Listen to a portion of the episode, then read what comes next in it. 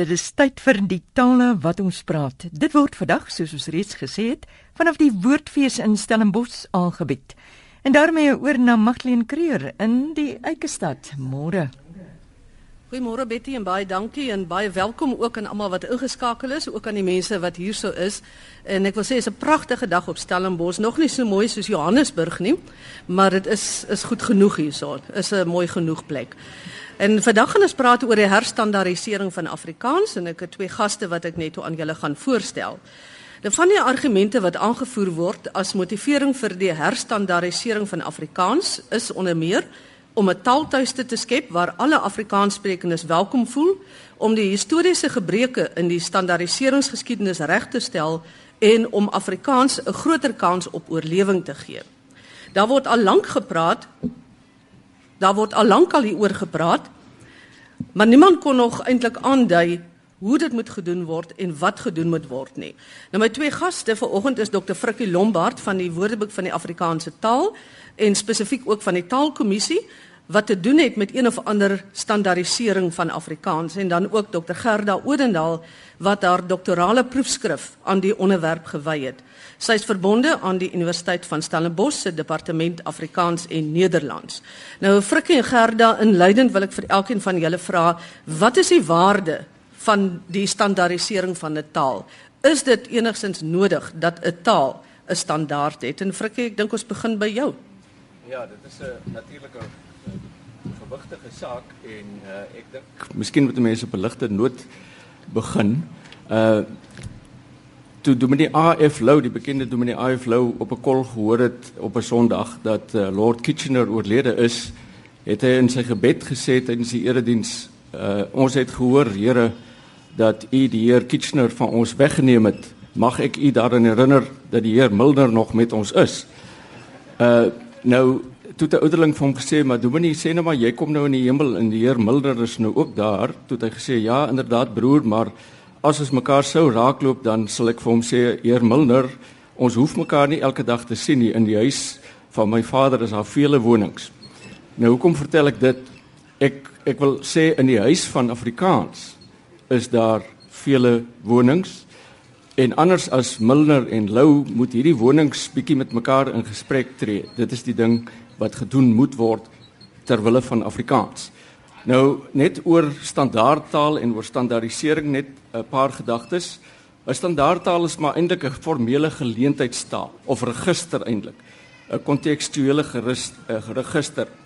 En dit is eintlik 'n geïdealiseerde weergawe van die skryftaal. Dit is geen individu se groep of eiendom nie, maar dit is 'n spesiale register vir hoë funksie uh kommunikasie oor variasiegrense heen. Dit is die kommunikasie wat jy byvoorbeeld tipies sal kry in onderwys, in die regspraak vanaf die preekstoel of uh wanneer lesings gegee word by universiteite indien dit nog in Afrikaans gegee word. Um omdat daar gekonsentreer word op die geskrewe kommunikasie, uh is die ortografie, met ander woorde die spelling en die skryfwyse baie belangrik. Standaard Afrikaans is dink ek maar die resultaat van evolusionêre taalverandering in elk geval en kontak tussen uh, verskillende variëteite en dialekte. Ons moet onthou dat vandag se omgangstaal kan môre se standaardtaal wees. Dit is 'n normale proses wat gebeur. Uh daar's net nog ietsie wat ek wil sê oor standaard Afrikaans. Ek dink daar's baie keer 'n verkeerde persepsie. Dit is dat uh, standaard Afrikaans is 'n 'n korset wat as dit ware die lewe uit die taal uit wurg of is 'n kliniese soort van ding. Nou as 'n mens vir hierdie ou kamp gaan lees sy boeke of Andre P. Brink of jy lees iets wat Frank Hendriks geskryf het oor sê maar variasie taalkunde of Hein Willemse of jy lees Egmont Sippel se motorrubriek in rapport dan staan jy eintlik verwonderd oor die seggingskrag wat standaard Afrikaans het. En 'n mens moet ook onthou Henny Oukamp en en uh Andre Brink byvoorbeeld in as hulle voordragte gelewer het het hulle dit in standaard Afrikaans gelewer jy kan dit jy kan dit dus gebruik as 'n as 'n praattaal ook. En dit het nie geaffekteerd of pretensieus geklink nie. Inteendeel ek was altyd getref deur hoe plooibaar en hoe genuanceerd hulle woorde gebruik het. Gerda, ehm um, die waarde van standaardisering van taal en ek wil net daarbey aansluit as jy miskien daar kan sê, Frikkie het nou gesê dit kan gebeur dat die omgangstaal later 'n standaardtaal word. En is dit nie eintlik die kern dan van die groep mense wat bepleit vir herstandardisering dat van die omgangstaal wat ons reeds ken ook in die standaardtaal moet ingaan nie? Ja, dit is so. Um, uit die aard van die saak is die standaard 'n uh, tipe bo-dialektiese kommunikasiemiddel wat die doel het om deur almal te ge gebruik te kan word in in formele situasies. Maar ek dink ook ons moenie uit die oog verloor nie dat daar ook 'n sterk ideologiese komponent aan standaardisering is. Dat um in die geskiedenis uh, is daar sekere dinge het daar gebeur in die standaardisering van Afrikaans wat veroorsaak het dat sekere sprekers by die standaard uitgesluit is. En dat ook ook nie noodwendig net omgangstaal vorme nie, maar dan ook van die ander variëteite um soos uh, Dr Lombard gesê dat daar 'n kommunikasie tussen ook tussen die verskillende variëteite is. Want uh, navorsing het ook getoon dat die standaard alhoewel dit die geïdealiseerde of ideaal gesproke 'n bodialektiese vorm is, is dit baie keer gebaseer of baie sterk gebaseer op een variëteit van 'n taal.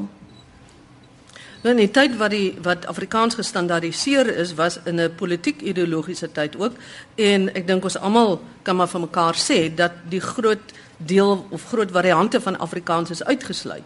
Dit is 'n spesifieke groep wat bepaal het volgens die politiek en die godsdienst en die kultuur van daai tyd wat die standaard gaan wees en dan is dit jou argument dit moet nou hersien word. Ja, korrek. Goed. Nou is daar literatuur beskikbaar of is daar al in ander wêrelddele gerda waar mense ook hierdie debat het of is dit uniek aan Suid-Afrika en spesifiek uniek aan Afrikaans? Dit is definitief nie uniek aan Afrikaans of Suid-Afrika nie. Ehm um, daar is 'n navorsingsgroep in Kopenhagen wat hulle self SLICE noem. Dit staan vir Standard Language Ideology in Central Europe. En hulle um ek, ek sien jy as dosent kan nou al in Engels klas gee. ja. En uh, hulle het uh, gewys dat um sedert die 70er 80er jare het daar um veranderinge in die wêreld plaasgevind. Hulle noem hierdie eh, era ook die laatmoderne tyd. amper 'n tipe bevryding of informalisering van die samelewing wat daartoe gelei het dat mense al hoe meer krities na standaardtaal begin kyk. En en dis wêreldwyd waar jy standaardtale ont, ontwikkelde standaardtale kry, word daar deesdae krities na standaardtaal gekyk. Die vraag word basies gevra: "Maar wie besluit hoe die standaard moet lyk?" En uh dit is uh, hulle het ook twee verskynsels dan geïdentifiseer. Die een is herstandardisering of uh, hulle noem dit ook demotisering en die ander is destandardisering. Aan die een kant met hierdie standaardisering kan dit gebeur dat 'n uh, 'n sprekersgroep sê um, hierdie standaard is nie meer vir ons relevant nie. Ons wil dit glad nie meer gebruik nie. Aan die ander kant met herstandardisering kan daar gesê word ons verstaan daar moet nog 'n tipe bo-dialektiese vorm wees waarmee ons kan kommunikeer, maar ons voel hierdie vorm moet verander omdat dit as gevolg van historiese redes probleme oplewer. Um en dan met herstandardisering uh, kan ons een van twee goed bedoel. Aan die een kant kan herstandardisering beteken om die variëteitsbasis van 'n standaard te vervang. Um Bonelis het ook in hierdie rigting gepraat waar jy byvoorbeeld sê um goed uh, dat standaard Afrikaans byvoorbeeld vandag is baie sterk gebaseer op Oosgrens Afrikaans. Ons wil dit nou baseer op Kaapse Afrikaans byvoorbeeld of um Oranje rivier Afrikaans. Die ander alternatief is om te sê Maar goed, as ons nou die variëteit sou ver, vervang, die variëteitsbasis, dan sluit ons nou weer ander sprekersgroepe uit. So kom ons verbreed eerder die variëteitsbasis. Ons sluit forme uit al die variëteite waaruit die taal bestaan, sluit ons in by die standaard. En dis dan ook hierdie um, verbreding van die variëteitsbasis wat ek voorstaan. Frikkie, kan as jou reaksie daar kry, is dit hoe jy herstandardisering sien? Ek sien graag herstandardisering soos Gerda dit verduidelik het, jy weet dit, maar ek sien dit ook as 'n proses.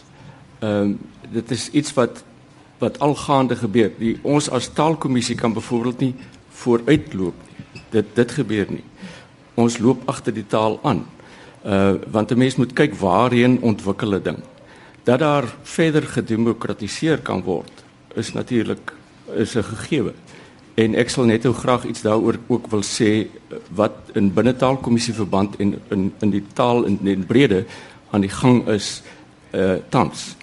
Uh ek wil daarom net sê jy weet 'n mens moet 'n bietjie 'n historiese perspektief hê om te sien hoe ons nou hier uitgekom. Uh dit is net belangrik om om dit te hê. Ons kan nou vanuit waar ons nou staan, ons hedendaagse sosio-politiek kan 'n mens maklik terugkyk en sê maar hoekom het die ouens dit so gedoen? En dan moet 'n mens net 'n tikkie geskiedenis byvoeg en jy weet daar was 'n hegemoniese stryd aan die gang, daar was 'n verengelsing aan die gang en mense het toenemend begin kyk daardie tyd, dis nou omtrent 100 jaar gelede of meer, uh na Nederlands en veral na die spreektaal variëteit van Nederlands en dit was Afrikaans. En uh toe die plaastaal of die kombuistaal staatstaal word, moes daar natuurlik drastiese spronge gemaak word. Uh en die die eerste ding wat gedoen moes word was om gewoon taal te skep hmm. as dit ware jy weet uh woorde te kry dinge te kan beskryf. En maar hierdie taal die spreektaal waar die tyd was glad nie gestandardiseer het 'n erg onvaste spelling gehad. Dit moes dus gestandardiseer word en ons het in 'n groot mate op Nederlands gesteun alhoewel ons dinge op ons eie manier benoem en gesê het. Dit is maar net die historiese konteks wat 'n mens wil hê of moet kry verder moet 'n mens sê ehm um, as ons standaardiseer as taalkommissie is ons reeds besig met herstandardisering. Uh ons sien dat ons telkens in 'n bepaalde tydsgewrig maak ons aanpassings wat pas by daardie tydsgewrig. Eers was daar die die, die woordeskat wat uitgebrei moes word. Onder andere was daar, jy weet, mense wat professionele beroepe begin bekleed nadat Afrikaanse amptstaal geword. Die onderwysers moes terme gekry het waarmee hulle kon werk, die regspraak ensovoorts. Daar daarom het ons taamlik gesteun op op Nederlands. Later nog het uh ander dinge bygekom. Taalkundige reëls soos die taalkunde self internasionaal uitgebrei het. Die teoretiese aspek het 'n taalkundige reëls bygekom.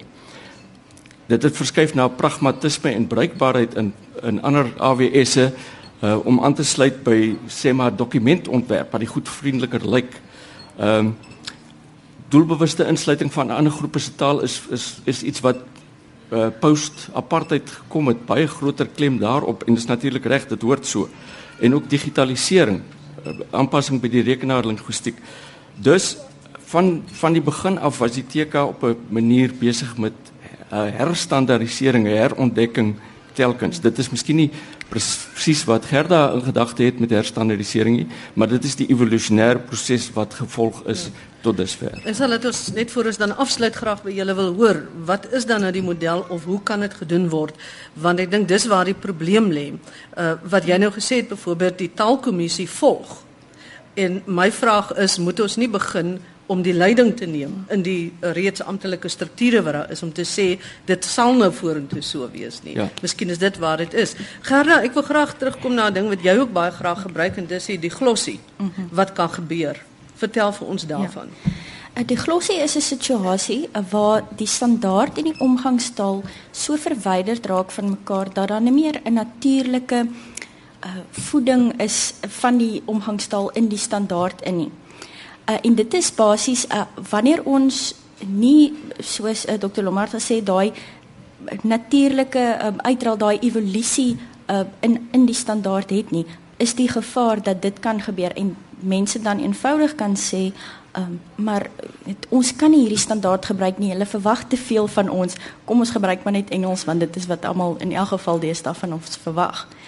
Ehm um, so so daar is daai gevaar. Dit is natuurlik 'n ekstreme situasie. Ehm um, dit is dalk nou nie noodwendig vandag en môre wat dit gaan gebeur nie, maar 'n mens moet tog ehm um, versigtig wees dat so iets nie gebeur nie. En En ja, as ek ek miskien kan aansluit, eh, natuurlik is die standaard gevorm in 'n sekere historiese konteks, maar ek dink tog ons kan nie sê um ja, net omdat dit in 'n sekere historiese konteks geskep is, moet ons dit so aanvaar nie.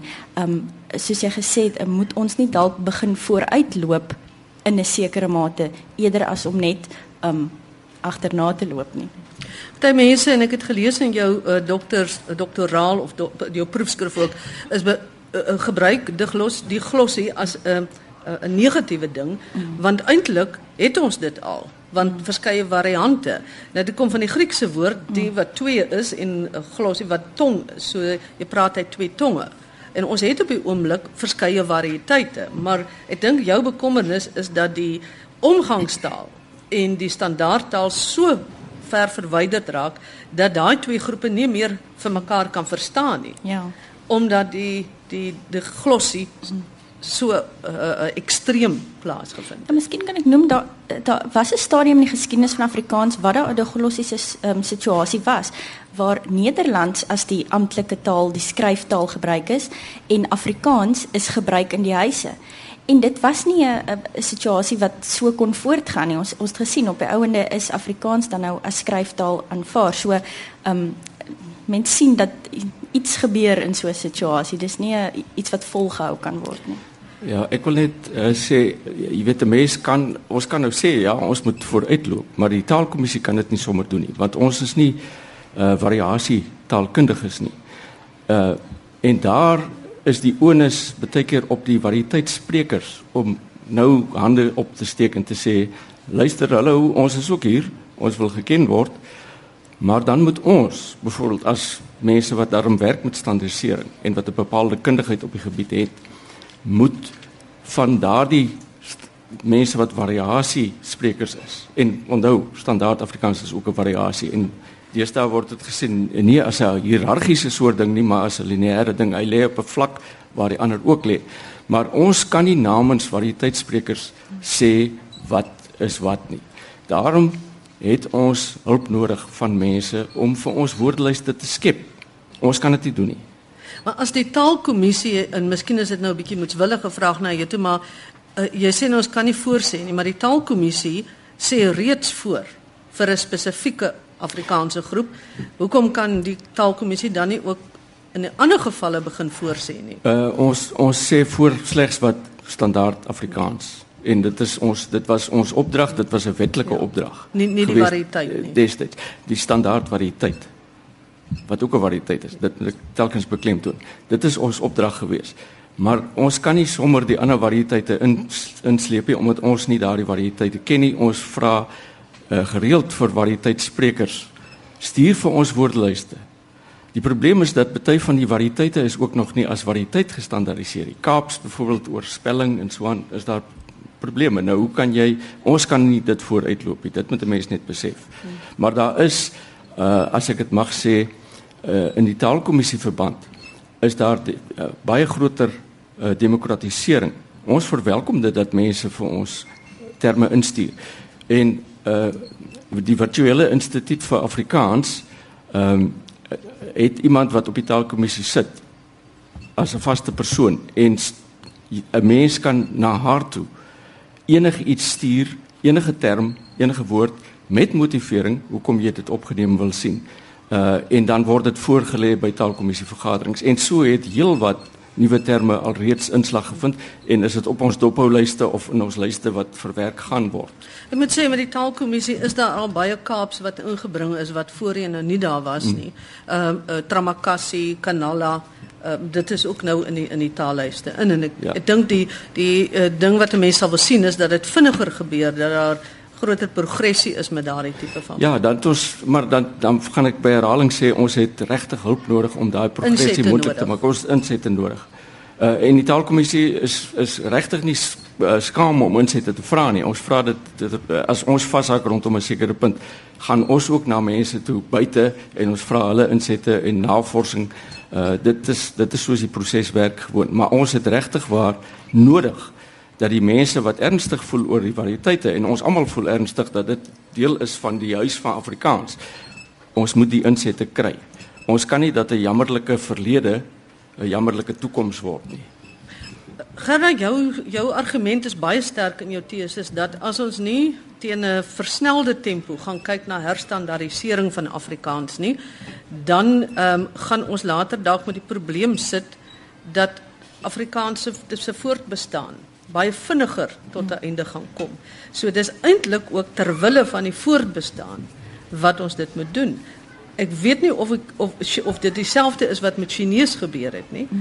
Vandag is Mandaryns die amptelike taal. En ja. Mandaryns en Chinees is twee verskillende. Die een was soort van die standaard en die ander die omgangstaal. En ek dink met Latyn het dit ook gebeur. Ja, iets uh, iets wat nie nuttig is, langer nuttig is nie, gaan mense net nie, nie meer gebruik nie. So um, ek is nou nie 'n doemprofeet wat nou weet sê dit gaan nou vir môre gebeur ons moet nou opskit nie want ek stem saam dit is 'n proses en massa deelname um, die Engelse woord is crowdsourcing uh, is 'n belangrike deel van hierdie proses.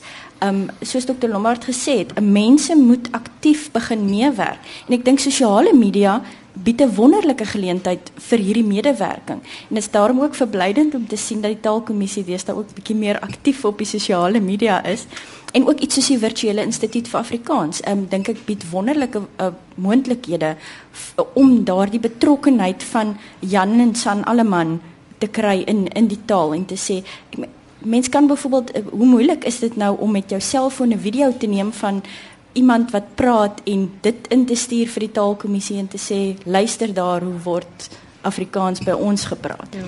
Ek dink mense moet ook ja, ek stem saam, meer aktief begin betrokke raak in by die taal. Goed, nou kom ons beweeg dan na die die praktiese dinge. Met ander woorde, wat is die tipe herstandardiseringsmodel wat ons moet hê en miskien aan die hand van voorbeelde en wat gedoen word. Jy luister na RSG, die tale wat ons praat. Ons saai vanaf Stellenbosch by die woordfees uit en uh, ek sê welkom vir al die klomp mense wat hier voor ons sit en dan die wat ook ingeskakel is soos elke Sondag.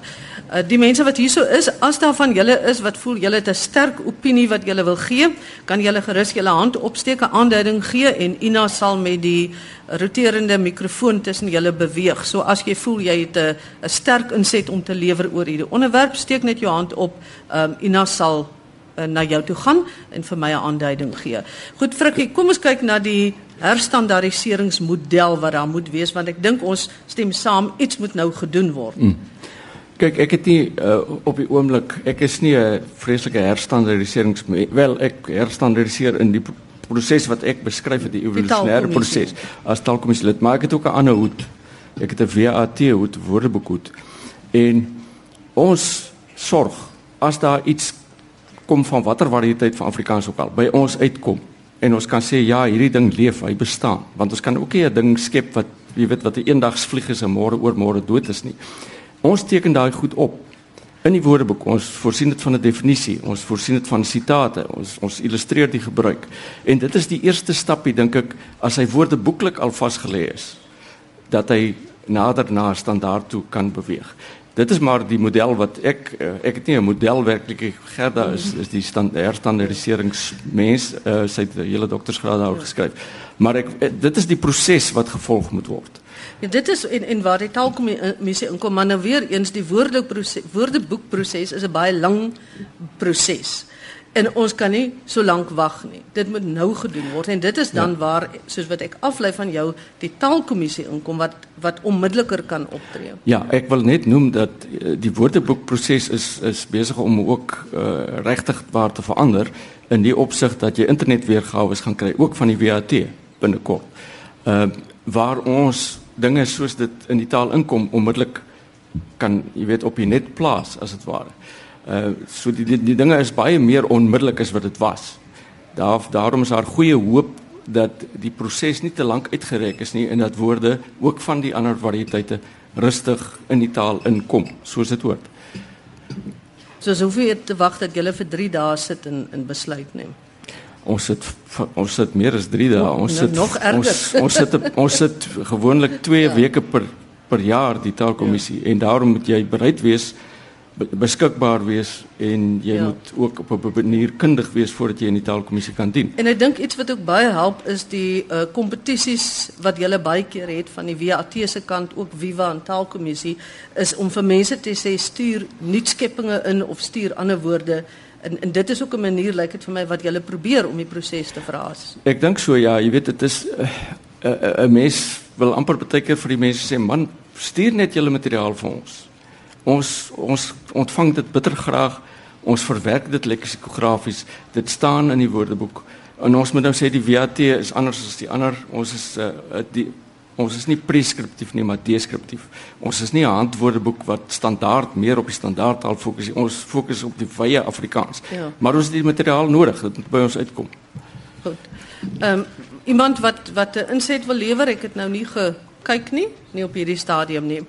Ehm um, Gerda, kom ons kom dan na die model toe want jy in jou doktorale proefskrif sê jy daar moet nou modelle wees. Mm. Het jy 'n model in gedagte? Weereens is belangrik om te beklemtoon dat dit is 'n 'n wyeer proses as om net 'n paar woorde in te sluit.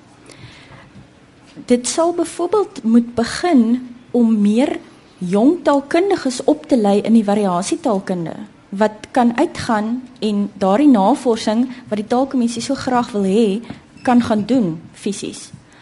Um maar ook terselfdertyd moet ons nie wag nie moet ons aktief begin betrokke raak op sosiale media en op hierdie platforms en begin gesels oor oor hierdie forums en en hulle um, ja onder mekaar uitruil wat kan moontlike woorde wees of uitdrukkings of selfs woordorde wat ons sal wil sien as deel van die standaard. Um, om miskien 'n voorbeeld te noem so tydjie terug is die woord um hommeltuig geskep vir die drones wat mense deesdae kry wat nou die Engelse woord is. En dit was 'n uh, gesprek wat op sosiale media gevoer is. Wat iemand gesê het ek soek 'n woord hiervoor en mense het begin idees rondgooi op sosiale media. Uh, maar nie ook net die vir die skep van nuwe woorde nie, soos ek sê waar jy iemand kan afneem ver in 'n Makwaland wat besig is om Afrikaans te praat en te sê maar hierdie woord ons gebruik al onlekker vir jare en dit is so Afrikaans as wat jy sal kry. Um om dit miskien te oorweeg as 'n alternatief wat ook in die standaard opgeneem kan word. As 'n alternatief vir nie lekker. Vir ja. Onlekker, ja. lekker, on amper sê onlekker. Of vir sleg, ja. onlekker soos hier by die woordfees ja. is daar ongenade, die vertaling van Jem Kutse se disgrace. Ja. Nou ongenade is is ook al 'n mm. nuwe manier van uitdruk. Maar ek dink weer dat dat ehm um, 'n mens sal moet gaan kyk dat die verskillende mense so goed bymekaar kom. Mm. Want ek dink byvoorbeeld dis nou goed en wel om te sê ons het Tramakasi in Kanala. Mm. Mm. Maar nou byvoorbeeld ek dink aan 'n woord soos gangster. Mm. Nou jy praat jy praat in die Kaap van 'n gangster. Maar in Afrikaans as die juffrou nou by die skool moet nasiens gaan sy dit verkeerd merk. Hmm. Dis 'n bendelid. Hmm. Is dit die tipe van goed waarvan jy praat wanneer jy sê herstandardisering? Gangster ja. met sy uitspraak en alles moet nou in die amptelike woordeboek wees. Ja, as dit is wat die mense gebruik, moet dit ingesluit word. Ehm um, want om as niemand praat van 'n bendelid nie, is daar dan net vir die woord bendelid in in in Afrikaans en daar's ook sprekers wat vir jou sê die betekenis stem nie altyd heel heeltemal ooreen nie. 'n Bendelid en 'n gangster is nie noodwendig dieselfde ding nie. So ja, mens en mens sal so breër moet gaan kyk na die taal. Ja, die die probleem is jy weet om vas te stel word gangster buite die Kaap gebruik. Uh ons moet dit vasstel. En wat Gerda gesê het is is is natuurlik waar. Ons moet mense oplei. Uh ek en Frank Hendriks, hy's uh, ondervoorsitter van die taalkommissie van Wes-Kaap, gesels dikwels oor die feit dat daar so min taalkundiges opgelei word in Afrikaans. Wat nog te sê variasie taalkundiges. Dit is 'n ideale situasie wat 'n mens moet nastreef, maar nou sit jy met 'n klompie mense wat wat gewillig is, kundig is om te help. Geef vir ons net materiaal asseblief. Ons uh, ons kan nie altyd uh, dit self doen nie uh gangster terloops is in die dophoulys van die AWS. Daar's allerlei ander woorde wat maar mense moet wonder iets so skangaga wat beteken okay. Dit is bevredigend. Dis skangaga. Moet dit nou wat hoeveel mense ken die woord? Ek ek dink as ek hier vra vir mense om hande op te steek sla min wees, moet 'n mens nou daai daai woord bietjie forceer dat hy ingaan omdat dit in Kaaps is wat van die ander Afrika uh, uh, ander variëteite. Mense moet ook 'n balans handhaaf tussen almal. Uh dit is problematiese dinge maar dit is nie noodwendig onoorkombaar nie. Al wat ons moet nastreef is om die proses te demokratiseer en te sê luister mense, almal van ons is onder die sambreel of die huis van Afrikaans. Ons gee om vir al die variëteite. Dit is soos dit is. Daar is 'n standaard variëteit. Ek en jy en ons almal sit en praat hier in 'n standaard variëteit eintlik. Ehm um, ek ek kan nie verstaan dat mense baie keer sê, "O, maar ek ek verstaan niks van hierdie hierdie ding." En dit was jy nie een van hierdie ou kamp se se sake wat wat hom ernstig gekwel het is die gebrek wat daar is aan woordeskat. Miskien moet ons daar ook herstandardiseer 'n bietjie dat dat ons weer kyk wat het geword van mense se woordeskat. Uh of die die totale ongeërgdheid wat jy dinge as jy om nie in Afrikaans kan sê nie, ja, sê hom maar in Engels want jy jy ken nie die woord nie. Jy kan nie jou gedagte verwoord in Afrikaans nie. Daar moet ons 'n bietjie gaan kyk uh of ons ook die proses bietjie kan regryk dat mense met die nodige nuansering praat. Ja, stem ek baie sterk saam. Dit is nie awesome om dit te doen nie. Ek mm. sê moet met Afrikaans gaan. Net nog 'n voorbeeld as jy gaan kyk na 'n uh, um, woord soos duidelik wat wat landwyd gepraat word. Mm. Ons almal praat van duidelik. Sou so iets al uh, kan inkom by 'n herstandardisering. Ja, sekerlik. En en 'n ander een wat ek wil vra uh, oor jy ook kom van Namakwa land. In Namakwa land praat die mense van uh, as hulle na 'n vrou verwys as hy ehm um, waar is jou vrou? Nee, hy's nou in die dorp in.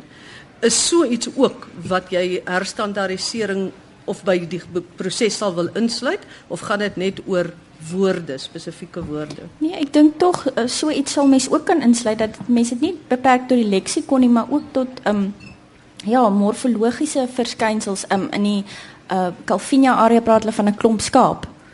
Uh byvoorbeeld uh dat mens daai uh, ja, soos uh, Dr Lombard sê, uh, mens moet nou ook kyk hoe wyd versprei iets is, maar dalk is die kan mens juis in die aanvanklike uh, prosesse van herstandardisering eerder 'n bietjie meer proskriptief optree as net uh, preskriptief deur te sê ons beskryf ook En dan beveel ons 'n vorm aan, maar ons gaan dalk 'n bietjie meer beskrywend, 'n bietjie meer deskriptief be, te werk in hierdie standaardisering van die taal. Goed, en daar sal ons moet haltroep met vandag se gesprek, maar ek dink as 'n mens kan saamvat, dan lyk dit vir my daar is 'n herstandardisering nodig eerder vroeër as later. Ek kom agter as ek dan vir mense invra daaroor dat mense het het stellings wat hulle maak daaromtrent, maar nog kan nog nie met spesifieke konsepte of prosesse of modelle vorendag kom nie. En miskien is dit wat ons nou baie gou moet doen is om te kyk wat is die model dat ons dit op 'n georganiseerde manier waarop 'n mens dit dryf aan die gang sit en nie wag vir reaksie van die sprekers af nie. So baie dankie vir die inskakel almal wat geluister het en almal wat hier is vandag.